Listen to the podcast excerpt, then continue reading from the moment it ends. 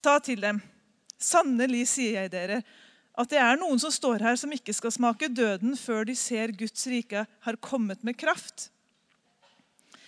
Seks dager etter tok Jesus med seg Peter, Jakob og Johannes og førte dem opp på et høyt fjell. Der var de avsides for seg selv. Og han ble forklaret framfor dem. Hans klær ble strålende, skinnende hvite som snø. Så hvite at det ikke er noen bleker på jorden som kan få dem så hvite. Og Elia viste seg for dem sammen med Moses, og de talte med Jesus. Da tok Peter til orde og sa til Jesus, 'Rabbi, det er godt at vi er her.' For nå kan vi lage tre hytter. En til deg, en til Moses og en til Elia. Han visste nemlig ikke hva han skulle si, for de var veldig redde. Og en sky kom og overskygget dem, og en røst lød ut fra skyen og sa:" Dette er min sønn, den elskede. Hør ham. Og i samme stund, da de hadde sett seg omkring, så de ikke lenger noen andre hos seg enn uten Jesus alene. Da de kom ned fra fjellet, så påla han dem at de ikke skulle fortelle noe om det de hadde sett, før menneskesønnen hadde stått opp fra de døde. Så de holdt dette ordet for seg selv, og så spurte de hverandre hva oppstandelse fra de døde betyr. Og De spurte ham og sa, 'Hvorfor sier det skriftlærde at Elia må komme først?' Da sa han, 'Sannelig, Elia kommer først og gjenoppretter alle ting.' Og hvordan står det skrevet om menneskesønnen? Det står at han skal lide mye og bli foraktet. Men jeg sier dere at også Elia er kommet, og de gjorde med ham alt det som de ville, slik det var skrevet om ham. Og Da han kom til disiplene, så han en stor folkemengde rundt dem og noen skriftlærde som diskuterte med dem. Med det samme de så ham, så ble hele folket meget forundret, og de løp mot ham og hilste ham. Og Han spurte de skriftlærere, 'Hva er det dere diskuterer med dem?' Da svarte en i flokken og sa, 'Mester, jeg toper meg min sønn til deg. Han har en stum ånd.' Og hvor som helst så griper den tak i ham og kaster ham ned. Han fråder om munnen og skjærer tenner og blir helt stiv. Og Derfor så spurte jeg disiplene dine om de kunne drive den ut, men det klarte de ikke. Han svarte og sa, Åh, 'Du vantro slekt, hvor lenge skal jeg være hos dere?' 'Hvor lenge skal jeg bære over med dere?' 'Før ham til meg.' Da førte de gutten til ham. Da ånden så ham, så red den straks i ham. Han falt til jorden og veltet seg, og han frådet om munnen. Så spurte Jesus han far, 'Hvor lenge har, det, har han vært slik?' Og han sa, 'Fra barndommen.' Og Ofte har den kastet ham både ild og i vann for å ødelegge ham. Men hvis du makter å gjøre noe, så ha barmhjertighet med oss og hjelp oss. Jesus sa til ham, 'Hvis du kan tro Alt er mulig for den som tror.' Barnets far satte straks i å rope, og han sa med tårer, 'Herre, jeg tror! Hjelp min vantro!' Da Jesus så at folket kom løpende og samlet seg, så refset han den urene ånden og sa til dem, 'Døve og stumme ånd, jeg befaler deg, far ut av ham, og far ikke inn i ham mer.' Da skrek ånden og rev kraftig i ham og for ut av ham. Og han ble som død. Og mange sa, 'Han er død.' Men Jesus tok ham ved hånden og reiste ham opp, og han sto opp. Og Da han var kommet inn i huset, og de var alene, så kom disiplene hans og spurte ham, 'Hvorfor kunne ikke vi drive den ut?' Og han sa til dem, 'Dette slaget kan bare drives ut ved bønn og faste.'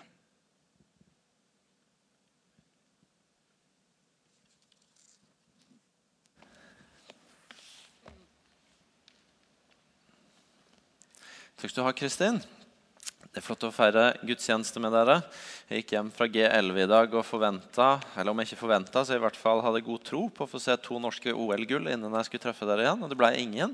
Så det er veldig godt å treffe dere og få tenke på noe helt annet. Eh, så kommer det nye muligheter i morgen. Og selvfølgelig at mens dere ga kollekt, at uh, Fulham utligna til 2-2 mot Manchester United, bygga opp ånden min litt. Så, så, men, uh, men da skal vi snakke om helt andre ting enn det, og det gleder jeg meg til. Det handler om Markus 9 og om å følge Jesus og noe av hva som skjer underveis i det. Uh, og Jeg har lyst til å begynne med å lese for dere noe som jeg kom over denne uka, og som jeg syns var bare en sånn god og talende eh, talende måte å si på at vi, vi, mennesker er underveis, og Gud kan bruke oss mens vi går. Eh, han, jeg leste dette og skriver Neste gang du føler at ikke, Gud ikke kan bruke deg, husk på at Abraham var for gammel, Isak var en dagdrømmer, Jakob var en løgner, Josef ble misbrukt, Moses hadde problemer med stamming, Gideon var redd, Rahab var prostituert. Jeremia og Timoteus var for unge. David hadde en affære og var en morder. Elia var suicidal. Jonah løp fra Gud, eller rømte fra Gud. Naomi var enke. Jobb gikk konkurs. Peter fornekta Jesus tre ganger. Disiplene sovna mens de ba. Martha bekymra seg for alt mulig. Den samaritanske kvinnen var stilt mer enn én en gang. Sakkeus var for liten, Paul var for religiøs, og Lasarus var død. og Likevel så kunne altså Gud bruke dem, uavhengig av de historiene de hadde. Forrige søndag så handla talen til Martin her på G18, og jeg snakka om det på G11, snakka vi ut fra slutten av Markus 8, hvor Jesus snakker om at den som vil følge han, må ta opp sitt kors å gå et, følge etter han. Og, eh, og, at en må gi avkall på sitt eget, være villig til å gi sitt liv, miste sitt liv, for å få det. Og Vi snakka om det at det å følge Jesus det, det handler om å gi et helhjerta ja til han. Og et helhjerta ja til Jesus det handler også noen ganger om et nei til noen andre ting. Og så møter vi i dag på en måte så fortsetter historien. Og vi får fortsette å se på hvordan det så ut for de første disiplene som gikk sammen med Jesus og leve det livet. Hvor de gikk i fotsporet han, ga avkall på sitt eget, forlot det de hadde i hendene, for å gå etter han. Og så minner Noe av det historiene skal minne oss om i dag, det er at når vi går med Jesus, så er vi underveis. Og vi lærer underveis, og vi ser nye ting underveis, og vi utfordres mens vi går. Jeg skal snakke litt om det i dag, og så litt videre om noe annet. Gry hadde en utrolig flott tale på formiddagen i dag nett, som, som heil, helt og fullt handla om det å være underveis. Så jeg, jeg, bare anbefaler dere å gå inn på podkasten vår og høre den, for det var veldig, veldig bra. Og så skal første del av min tale også handle litt om det. For i dag så møter vi to historier. En hvor Jesus tar med seg sine tre nærmeste opp på et fjell, og så får de en ganske heftig åpenbaring. Og en historie hvor disiplene først har forsøkt å helbrede en som er syk. Og så kommer Jesus og først er litt sånn oppgitt over at de ikke har sett det skje. Og så helbreder han denne gutten. Inn i disse historiene så ser vi noe Så møter vi noen disipler som mens de går med Jesus, veldig tydelig er underveis. De er ikke ferdige, de har ikke fått svar på alt, de har ikke skjønt alt. De har ikke alt i livet på plass, men de går med han. Og så, og så blir det veldig tydelig at det ikke alltid betyr at alt er på plass. Åpenbare stedet å begynne er selvfølgelig med Peter, eh, som altså får være med opp for å se at Jesus ble forherliga, som det står, og at to av de store skikkelsene fra Det gamle testamentet, som også var sterke skikkelser for eh, Peter og Jakob og Johannes, viser seg der sammen med Jesus. Og så er det denne her eh, fantastiske hendelsen som jeg har hørt ganske mange taler om. Alt fra folk som på en måte latterliggjør Peter, til de som har gjort et poeng av at det går an å ære Gud med noe praktisk, nemlig å bygge hytter. Men i hvert fall så er Peters forslag til respons på at han står her og ser det skinner hvitt som, no, som altså, ulikt noe annet av Jesus. Og I tillegg så er Elia og Moses eh, ved siden av han og snakker. Så er Peters respons eh, La oss bygge tre hytter. En til du, en til Moses og en til Elia. Fantastisk. La oss, la oss være litt praktiske her. Her er Jesus forherliga, og vi har to store skikkelser. La oss bygge noen hytter. La oss, la oss lage et monument på dette her. Men så er det interessante. Det står han visste ikke hva han skulle si, for de ble grepet av stor frykt. Ja, Det kan vel jeg og du òg relatere til. At vi noen ganger kommer i situasjoner hvor vi rett og slett ikke helt vet hva vi skal si. Hva i all verden skal jeg respondere på dette? Og så hender det noen ganger at vi sier noen ting som vi kanskje etterpå tenkte å, det var det fantes bedre forslag, det fantes bedre ideer. Men, men et eller annet bare kom ut fordi jeg, ja, jeg visste ikke hva jeg skulle si. Peter, la oss bygge tre hytter. Noen ganger kanskje får en ei skyllebøtte av noen. Og så Oi, hva skal jeg si til det? Og så kommer det noen ganger ut noe som du tenker etterpå. Jeg vet ikke hvordan Det er. Det, det kan ha noe med at jeg er introvert da, å gjøre. men men jeg kan ha sånne lange samtaler med meg sjøl etterpå at jeg har hatt en sånn samtale hvor jeg ikke helt visste hva jeg skulle si. og så kommer det ut noe sånn halvveis, og så går jeg og snakker og spinner lenge på etterpå. Jeg skulle sagt det og det og det. Har noen av andre av dere det sånn av og til?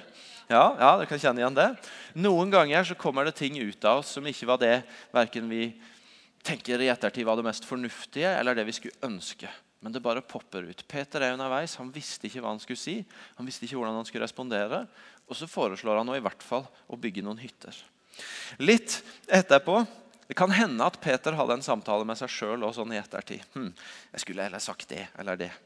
Um, så fortsetter disiplene å snakke, og vi ser at det er også ting som de rett og slett bare ikke skjønner. De har behov for å spørre Jesus hva, hva er dette for noe.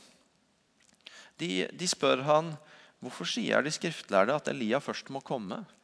Det, det, handler kanskje ikke så mye om at de er satt ut av et eller annet, eller at et eller annet plumper ut. Det er bare mer sånn Hva er dette for noe, Jesus? Vi forstår det ikke helt. Kan du fortelle oss? Og de eh, Ja, der er eh, andre spørsmål eh, etterpå. De spør f.eks. etter at Jesus har helbreda eller drevet ut denne onde ånden. Hvorfor var det ikke mulig for oss å drive han ut? Helt sånn oppriktig. Ja, men Jesus, fortell oss. Vi skjønner ikke helt. Og så viser de at de er underveis. At selv om de har gått en stund med Jesus, de har hørt kallet til å følge han, de har mottatt mye god undervisning og de har sett han gjøre ting, så er det fortsatt sånn Vet du noe? Skjønner det ikke helt. Der er situasjoner, og Jeg tar med et par eksempler som jeg plukka opp fra Gry sin tale i formiddag, som var så bra. og Hun tok seg den frihet å bare bruke litt mer av teksten enn det som var satt opp. Så da gjør jeg også det, fordi jeg synes de eksemplene var så gode. Men like etter at Kristin stoppa å lese, så står det om at Jesus forteller dem om, Han snakker med dem om sin døde oppstandelse. Og Så står det i vers 32. Men de skjønte ikke hva han sa, og de våga ikke å spørre han om det. Kanskje vi også kan kjenne oss igjen i det av og til. At det er, det er, ting som skjer rundt oss, ting som blir sagt, som på en måte er litt sånn selvfølgelig. Og så tenker du Skjønner det ikke helt. Men jeg burde sikkert skjønne det, så jeg tør ikke å spørre om det. Har dere det sånn av og til? Ja, jeg har det sånn av og til. Til og med når jeg sitter her, og så sier en av de som står her, et eller annet som høres veldig selvfølgelig ut, så tenker jeg mm, Skjønte jeg det helt? Så er det noen ganger det er litt sånn fristende å bare ikke spørre. For tenk, det kan hende det høres litt dumt ut. Jeg burde sikkert skjønt det. Eller når jeg, jeg, har, jeg har så mange historier på at folk skal forklare meg noe jeg skal ordne. ikke sant? Jeg har utlagt mange ganger om mine manglende praktiske ferdigheter. Og så sier de du må bare gjøre sånn og sånn. Og jeg står og nikker. og ja, ja, selvfølgelig, selvfølgelig. Og så går jeg etterpå og klør meg i hodet. og Jeg lurer på hva det egentlig betydde. Hva mente han jeg skulle gjøre der? Men du, du stiller deg ikke du forsøker liksom å redde litt skinn ved å late som du skjønner. Disiplene også hadde det sånn. De skjønte ikke hva han sa, og de våga ikke å spørre han. Og Så fortsetter også den teksten hvor det står at de kom til Kapernaum, og da de var i hus, spurte han de, hva var det dere snakka om underveis. Men de tidde, for på veien hadde de snakka med hverandre om hvem som var den største. De skjønte at de egentlig hadde diskutert og snakka om og hatt et tema som Det var egentlig ikke noe å snakke om. Det burde kanskje ikke vært tema mellom de. Og så står det at de tidde istedenfor å si hva de hadde snakka om. Antagelig for å ikke stille seg sjøl i et dårlig lys. De torde ikke helt å komme ut med det som egentlig foregikk, fordi de, de skjønte i det de fikk spørsmål, at oi, dette burde vi kanskje ikke snakke om. eller dette burde kanskje ikke vært fokuset vårt. Poenget er vi møter noen disipler som er veldig underveis. Som til tross for at de har sagt ja til Jesus, de har tatt imot kallet om å ta opp sitt kors og følge han. Og Likevel så plumper de ut med ting som viser at her klarer de ikke helt å forstå hva som skjer. De stiller spørsmål som viser at det fortsatt er ting de lurer på. De viser at noen ganger så kommer også stoltheten inn hos de. Og så prøver de å late som at de veit når de ikke veit. Eller de prøver å legge et lite slør over det de snakker om som de ikke burde ha snakka om. De er ikke et ferdig produkt. De er ikke ferdig snakka som disipler. De er underveis. I det så ligger det masse frihet for meg og du også. Å vite at ja, vi kan si ja til kallet om å ta opp korset vårt og følge Jesus. Og I det så ligger det et helhjerta ja til han og et nei til noen andre ting for å gi han livet vårt. Men mens vi går på den veien fordi det å følge Jesus, det å være på en vandring med han, det er ikke å gå i rute fram og tilbake fra A til B, som gjør at du etter hvert kan ruta utenat og veit hvordan alt er. Men det er ganske ofte å bli tatt med nye steder, i nye situasjoner, på nye ting. Da er det ikke alltid at alt er på plass hos oss heller. I vår vandring med Jesus, i det som skjer i livet vårt, i det vi opplever med andre mennesker, så er også vi, for det om vi har sagt ja til Jesus, og for det om vi har gått for å følge han, så er vi underveis. Og noen ganger så plumper det ut ting av oss som ah, Kunne jeg ikke respondert litt bedre på det? Noen ganger så må vi bare spørre. vet du noe, dette skjønner jeg ikke. Kan du hjelpe meg å forstå det? Noen ganger så, dessverre, så, så velger vi å kanskje late som vi får det til, eller forstår, når vi ikke gjør det, og glatter litt over. Og Så ligger det en frihet for oss i å møte dette bildet av disiplene og vite at vet du noe, det er ok å være underveis. Og det er ok å være ærlig på det og være sann på det. Og heller stille spørsmåla enn å late som du forstår. Og heller si vet du noe, sorry, og der gjorde vi eller snakka vi om noe som ah, Det var kanskje ikke det som burde vært fokuset vårt. Der kom det ut et eller annet av meg som jeg skulle ønske ikke kom ut, men det kom ut. Og så er det, det en del av vandringa vår, vår som disipler. Ikke late som at det ikke fantes, men å heller være åpne på at ok, dette er en del av prosessen. Dette er en del av livet. Så som disipler som har takka ja til å gå, følge Jesus, som han sa det i forrige kapittel, ta opp korset og følge han, så er vi underveis. Og det at vi har sagt et helhjerta ja til han, betyr ikke at alt er på plass. Men det betyr at vi hele veien er en læringsprosess hvor vi kan få lov til å vokse. Så er det noe som er så viktig å få tak i for oss, og som, som jeg kanskje spesielt opplever at Gud har lagt på hjertet mitt for denne kvelden. Og det er at både her og flere steder i Bibelen så ser vi så tydelig at det er sider ved det Jesus sier og gjør, ved det som har med Guds rike å gjøre, som ikke uten videre er åpenbart for oss mennesker å forstå. Det er ikke sånn at det alltid er en linje rett fram for oss å få tak i hva mener egentlig Jesus nå. Hva er egentlig Guds rike måte å tenke på, leve på og opptre på i denne situasjonen? Hva betyr Guds rike inn i livet mitt akkurat nå? Det er ikke alltid åpenbart. Det krasjer av og til med det som, det som vi hadde tenkt. Det er ikke alt ved Jesus, og det er ikke alt ved Guds rike som vi klarer å se med våre egne øyne. Når disse disiplene, disse tre, blir tatt opp sammen med Jesus på et høyt fjell hvor de er alene. Og så står det at Der ble han forvandla for øya på dem, og klærne hans ble så skinnende hvite at ingen som bleiker klær her på jorda, kan få de så hvite. Det skjer noe med Jesus. De får se Jesus på en annen måte enn de har sett ham før. Det står at han ble forherliga. Og så kommer denne episoden med at Moses og Elia også er der, og Peter har lyst til å begynne å bygge hytter. Og så står det Da kom det en sky og skygga over dem, og det lød en røst fra skyen. Dette er min sønn, den elskede. Hør han. Og med ett, da de så seg omkring, så de ingen annen enn Jesus, bare han var hos dem. De fikk se Jesus på en annen måte enn de hadde sett ham før. De hadde gått med han lenge, de hadde hørt han, de hadde opplevd ting med han. Men nå står det Bibelen bruker ordet 'forherliga'. Han ble forherliga. Nå får de se han på en annen måte enn øya de sine før hadde kunnet se han. Og Så står det at en sky var der og skygga over dem. Og så kommer det en stemme ut av skyen som sier, 'Dette er min sønn, den elskede. Hør han.'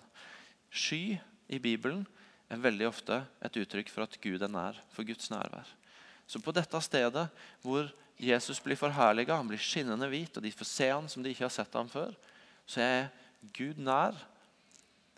Og Ofte i Det gamle testamentet er denne skyen et uttrykk for at Gud er nær for å veilede og for å beskytte. Og så kommer det en stemme ut som sier dette er den han er. Han dere nå har sett, ser ut på en helt annen måte enn dere har sett ham før. Han er min sønn, den elskede. Disiplene får en åpenbaring de får se noe som de ikke kunne se med sine egne øyne. Som selv om de hadde hørt han, de hadde gått med han, de hadde sett han på sine øyers vis, så kunne de ikke se dette hvis ikke Gud åpenbarte det for dem. De fikk en åpenbaring som de ikke kunne funnet ut av på egen hånd. Og Så kommer neste historien, hvor de kommer ned.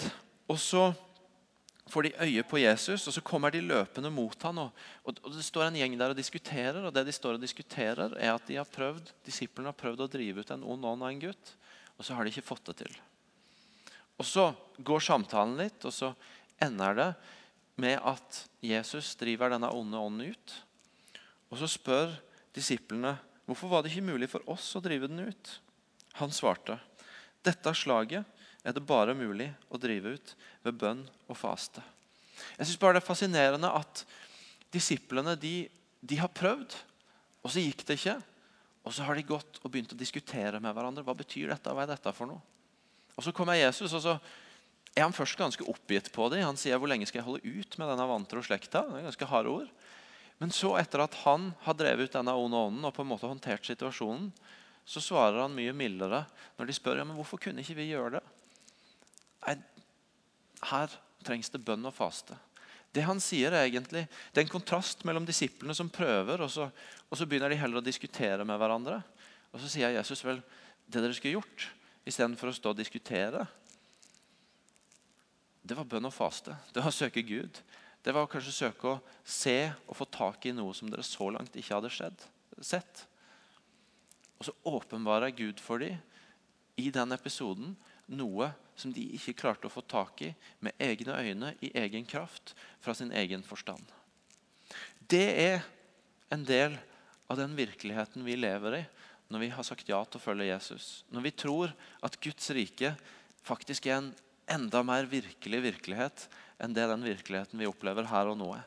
Det er at det er ting som vi ikke klarer å se av oss sjøl. Ting vi ikke klarer å forstå av oss sjøl.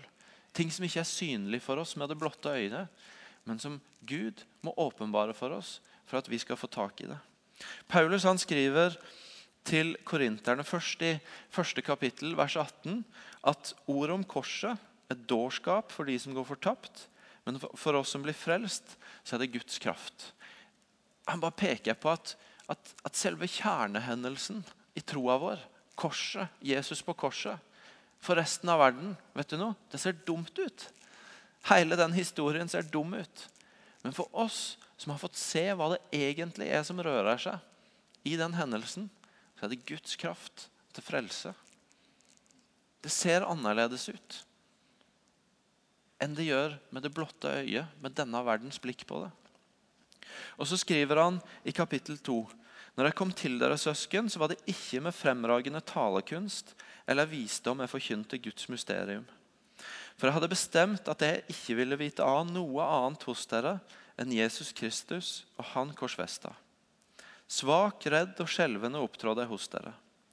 Jeg forkynte ikke mitt budskap med overtalende visdomsord, men med ånd og kraft som bevis. For deres tro skulle ikke bygge på menneskelig visdom, men på Guds kraft. Likevel forkynner vi en visdom for dem som er modne. Men det er ikke en visdom som tilhører denne verden og, denne verdens herskere, de som går til grunne. Og så Hør på dette. Nei, vi forkynner et mysterium, Guds skjulte visdom. Før tidenes begynnelse hadde Gud bestemt at den skulle føre oss fram til herligheten. Denne visdommen har ingen av verdens herskere kjent. Hadde de kjent den, ville de ikke ha korsfesta herlighetens herre. Sjøl ikke verdens herskere, de som hadde tilgang på alt av, av informasjon og kunne hente inn ting, kunne egentlig forstå hva dette handla om. Men som det står skrevet, det intet øyne så og intet øre hørte. Det som ikke kom opp i noe menneskehjerte. Det var ikke mulig å hente det opp fra menneskers hjerte av vår egen forstand. Det som Gud har gjort ferdig for de som elsker Han, det har Gud åpenbart for oss ved sin ånd. For ånden utforsker alle ting, også dybden i Gud. Hvem andre enn menneskets egen ånd vet hva som bor i et menneske? Slik vet heller ingen annen enn Guds ånd hva som bor i Gud. Vi har ikke fått verdens ånd, men den ånd som er fra Gud. Og hvorfor har vi fått Guds ånd? For at vi skal forstå hva Gud i sin nåde har gitt oss. Der er ting ved Jesus, ved Guds rike, ved det å være en disippel som er underveis, og som støter på de utfordringene vi snakka litt om i stad. Som vi ikke ser med våre egne øyne, og som vi ikke kan komme opp med med vår egen forstand, men som Guds ånd er gitt til oss for at Gud skal åpenbare det for oss. I kapittel 1 så står det òg at, at la meg, Istedenfor å ta fri sitering, da, så la oss få det helt riktig. Guds dårskap er visere enn menneskene, og Guds svakhet er sterkere enn menneskene. Sjøl hvis Gud er litt dårskap, det betyr jo egentlig dum. da.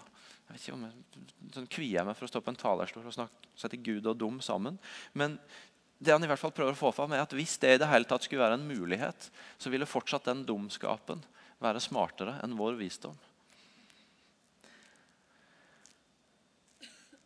Og Da begynner vi å nærme oss noe av det som er poenget i dag. Nemlig at når vi møter på disse her humpene, når vi kjenner, kommer i kontakt med at vet du noe, ja, jeg har sagt ja til Jesus og jeg, går med han, men, men det søren meg ikke alltid rett fram. Jeg skjønner ikke alltid alt, og jeg plumper uti med ting. og jeg, jeg, prøver å gjøre meg til og alt det der. Så, så skrev nettopp Paulus at han skrev ikke bare at det er Guds ånd som viser det, men han skrev vi har fått Guds ånd for at den skal vise oss, for at vi skal forstå hva Gud i sin nåde har gitt oss. Vi har fått den ånden som kan åpenbare det som vi i oss sjøl ikke klarer å se.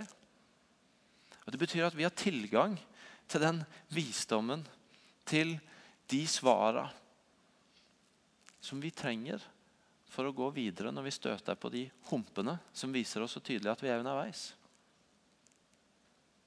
Men da trenger vi å forholde oss til at vet du noe, vi er avhengig av Guds ånd. Vi er avhengig av at Han får lov til å tale inn der hvor vi i oss sjøl ikke får tak i det. Jeg synes bare det bildet av disiplene som, som står og diskuterer De prøvde, og så fikk de det ikke til, og så står de og diskuterer. Og Så kommer Jesus, og så ordner han opp og så sier han, vet du noe, bønn og faste her. Det hadde vært greia. Ikke diskusjon. Og hør meg for all del rett. Det er helt fint å diskutere og prøve å finne ut av ting av og til. Men, men han prøver bare å peke dem mot at søk nå heller Gud og det svaret han har i denne situasjonen, enn å bli parkert av at dere bare gir opp og står og diskuterer i stedet. Jeg har fortalt flere ganger her før om måten jeg kom hit til IMI på. Jeg skal ikke dra hele den historien nå. Men for åtte år siden cirka, så var jeg på Impuls her. Da jobba jeg i Storsalen. Og Da skjedde det et eller annet i meg som gjorde meg sulten. Jeg møtte et liv. Jeg møtte noen sider ved livet med Gud som jeg ikke var så vant til å forholde meg til. Som handla nettopp om noe av det jeg snakker om nå. Som bare gjorde meg sulten, som gjorde meg oppmerksom på at her er det et eller annet som jeg ikke har møtt så mye før. Og når noen måneder seinere at ballen begynte å trille om å komme hit, helt uforberedt og uten at jeg eller noen andre hadde planlagt det, så var en av de viktigste motivasjonene mine for å reise det var at jeg kjente jeg var sulten på noe som jeg, som jeg ikke hadde helt fått tak i. Jeg hadde jeg holdt på å avslutte seks års studier med teologi. Og selv om det skal sies at jeg ikke har vært verdens flittigste student, ikke løp ned lesesalene på MF fordi jeg ja, Nei, jeg trenger ikke begynne å begrunne det. Det kan du heller spørre meg om etterpå. Eh, men jeg hadde nå hatt så mange år at jeg hadde lest ganske mye. Jeg kunne ganske mye. Og Likevel så gjenkjente jeg at det var noen sider ved livet med Gud som sjøl ikke seks års studier kunne gi meg taket på. Jeg måtte, jeg måtte komme meg et sted som kunne hjelpe meg med å få tak i det. Og Moralen i talen er selvfølgelig ikke alle reis til IMI, for da får dere tak i det. Men for meg så ble det der Gud leda meg. Men poenget er jeg trengte å få tak i noe som, som sjøl ikke masse studier, masse bøker, masse kunnskap kunne gi meg men som handla med liv å gjøre, som hadde med Guds ånd å gjøre. Som handla om det som ikke mine øyne og min forstand kunne se. Men som Guds ånd var nødt til å åpenbare for meg og vise meg. I Jakobs brev, kapittel 1, vers 5, så står det Om noen blant dere mangler visdom, skal han be til Gud, som villig og uten å bebreide gir til alle, og han skal få. Hør det. Om noen blant dere mangler visdom, så skal han be til Gud. Og hvordan er Gud? Som villig og uten å bebreide gir til alle, og han skal få. Jeg har lyst til å stille deg noen spørsmål. Hvor i livet ditt akkurat nå trenger du åpenbaring? Hvilken situasjon i livet ditt nå er det du trenger at Guds ånd taler? Fordi med dine egne øyne så ser du det ikke. Og du er oppmerksom på kanskje at du står i stampe. Du gjenkjenner orda om å være underveis, at ikke alt er ferdig. Og så inviterer Gud deg til å ikke bare som disiplene ta et steg tilbake og, og stå og diskutere, men å spørre Gud hva har du å si inn i dette. Hva er din visdom inn i dette? Hvis din visdom, nei, hvis din dumskap er smartere enn min visdom, så om så er, så gi meg, gi, gi meg, ja, gi meg litt dumskap. Nei men, nei, men, hvis du villig og uten å bebreide gir, så, så fortell meg hva du har å si inn i dette. For jeg står i stampe.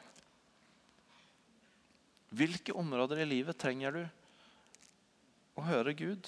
Trenger du åpenbaring? Og hva gjør du med det? Stopper du opp? Tar du et steg tilbake og slår deg til ro med at det ble det ikke noe med? Også. diskuterer litt? Eller søker du Han for en åpenbaring? Holder du fast i det ordet om at du har fått Guds ånd, som har gitt oss for at vi skal være oppmerksom på hva, hva vi har fått i Gud? Og Så inviterer du Han til å tale inn i det, til å gi visdom inn i det, til å vise en vei videre i det.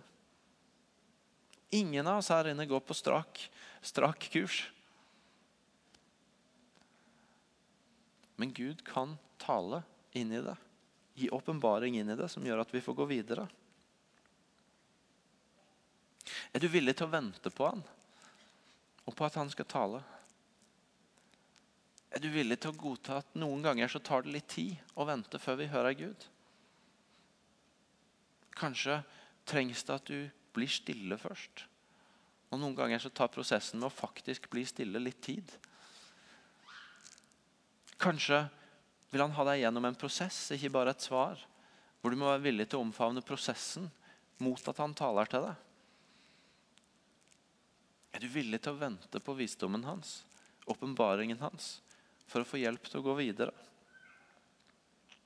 Og til slutt, mitt siste spørsmål. Når han taler, når han åpenbarer seg, når han gir deg noe å gå videre med, hva gjør du med det?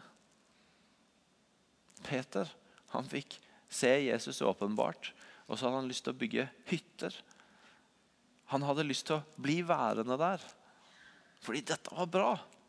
Dette var en fantastisk erfaring. Tenk å stå her og se Jesus på en helt annen måte, og i tillegg ha Moses og Elia der. Selvfølgelig ville han at det øyeblikket skulle vare. Noen ganger så er det så utrolig godt når Gud åpenbarer seg, når han taler til oss, når han lar oss få erfare ting, at det er veldig fristende å bare bli værende der og tenke at bare jeg er her, så er alt bra. Men veldig ofte så gir han det med tanke på noe som ligger foran. Med tanke på at du skal få gå videre i vandringa di. Og jeg, jeg, mener ikke å si, jeg har ikke noe sånn greie på at du skal ikke søke erfaringer med Gud. For, for det, er ikke, måte, det er ikke poenget. Vet du noe, hvis, hvis, forholdet vårt til Gud er en relasjon, så er det faktisk helt ok å ville ha noen erfaringer.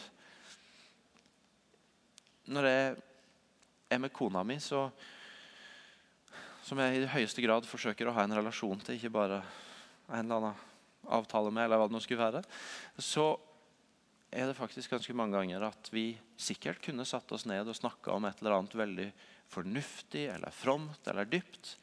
Men så ender vi kanskje bare opp med å se på noe gøy sammen eller spille noe sammen. eller et eller annet.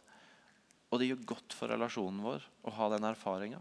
Det er helt ok å av og til bare ha en erfaring med Gud, og så var det det det handla om. Men ofte når han åpenbarer seg, så er det ikke for at du skal bygge hytte og bli der. og så var det poenget men det er for at du skal ta det med deg videre i den vandringa han har deg på. For at du skal få fortsette å være underveis, og at underveis ikke betyr å være stuck, men å gå videre. Forrige søndag så, på, på, G18 så hadde jeg en fantastisk møte med Gud. Mot slutten av gudstjenesten. Jeg opplevde på en sånn litt ekstra måte at Gud var nær, og jeg fikk et ord. det var kjempegodt. Og det er så lett å tenke at å, bare blir værende i dette, så er alt bra. Men så var poenget med det var ikke å bli værende, men det var det Gud ville gi meg for det som fulgte etter. Hva gjør du med det når Gud åpenbarer seg? Bygger du hytte, eller tar du det med deg underveis? Vi skal straks be sammen, men jeg har lyst til at du skal høre denne kvelden at det er helt naturlig at livet med Jesus er en vandring hvor ikke alt er på plass. Men jeg har òg lyst til at du skal høre at Gud er en Gud som kan åpenbare seg inn i den vandringa og gi deg det du trenger for å komme videre. Som kan tale inn i situasjoner og inn i livet ditt på en sånn måte at du ikke blir stuck, men at du får gå videre. Så skal vi reise oss opp og be sammen.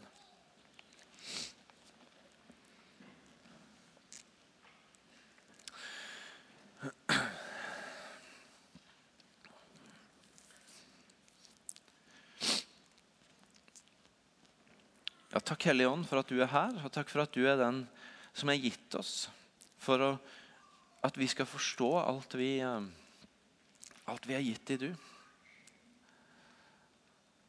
At vi skal forstå rikdommen av det livet som, som Jesus har gitt oss. At vi skal få se sider ved Han og ved, og ved Guds rike som vi ikke ser med våre egne øyne. Nå ber jeg deg om at du faktisk skal tale til oss her og nå.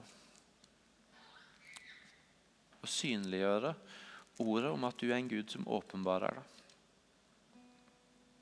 Som lar oss få se det vi ikke kan se med våre egne øyne. Fordi at du, Hellige Ånd, bor i oss er nær oss og viser oss hvem Jesus er, viser oss hva Guds rike er, viser oss hvor veien går videre.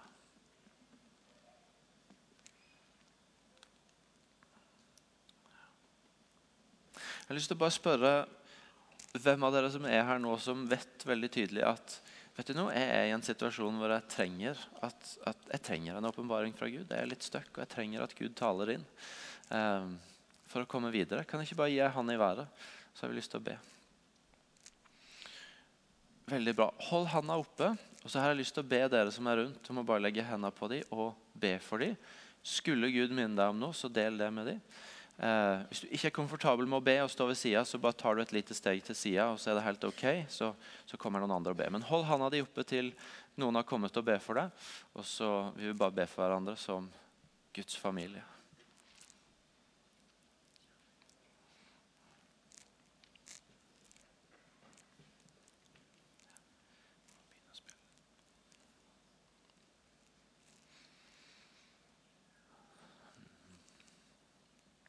Helt ok å be ut. For om det var litt stille i rommet akkurat nå, så trenger det ikke forbli det.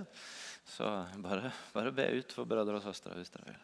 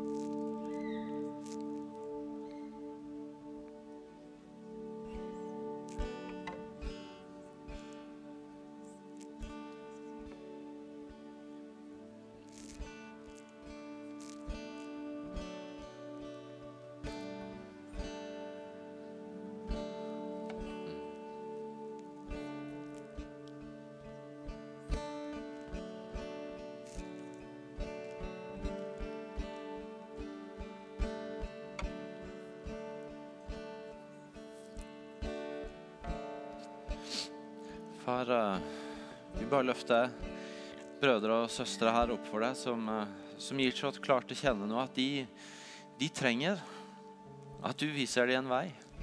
De trenger at du åpenbarer deg. De, de har vist den ydmykheten som, som, er et kjennetegn i ditt rike på, på, på bare å si det som det at vet du noe, veit ikke helt veien sjøl. Og så ber jeg deg om at du skal synliggjøre det vi har sett på fra ditt ord i kveld. At, at, da er du villig til å snakke inn. Du er villig til å komme med din visdom.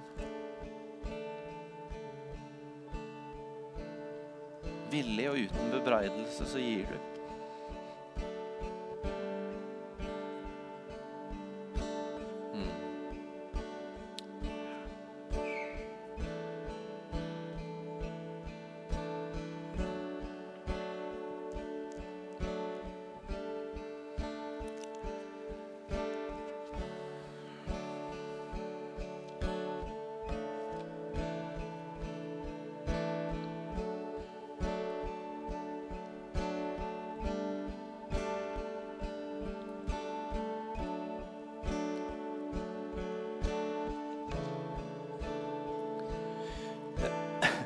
Andre jeg har lyst til at vi skal be inn i kveld, er Jeg opplever at det har vært et sånn rød tråd gjennom gudstjenestene både i formiddag og i kveld som har noe med at Gud vil minne oss denne søndagen om Hans nåde igjen. Og bare tydeliggjøre at vi er tilgitt. At Hans nåde er ny uansett situasjon. At det er en ny mulighet uansett. Vi leste at vi har ikke fått verdens ånd, men den ånd som er fra Gud, for at vi skal forstå hva Gud i sin nåde har gitt oss. Jeg tror det er noen av dere som denne søndagen også bare trenger på en spesiell måte å bli minnet om at du er tilgitt. Det er en ny mulighet. Han døde for din skyld. Det er mulig å reise seg opp igjen og gå videre. Oppreist og tilgitt. Jeg har bare lyst til å be for de av dere som det gjelder. Så kjære far, jeg ber deg for de her inne nå som på en spesiell måte trenger å, å høre ord om nåden, ord om tilgivelsen.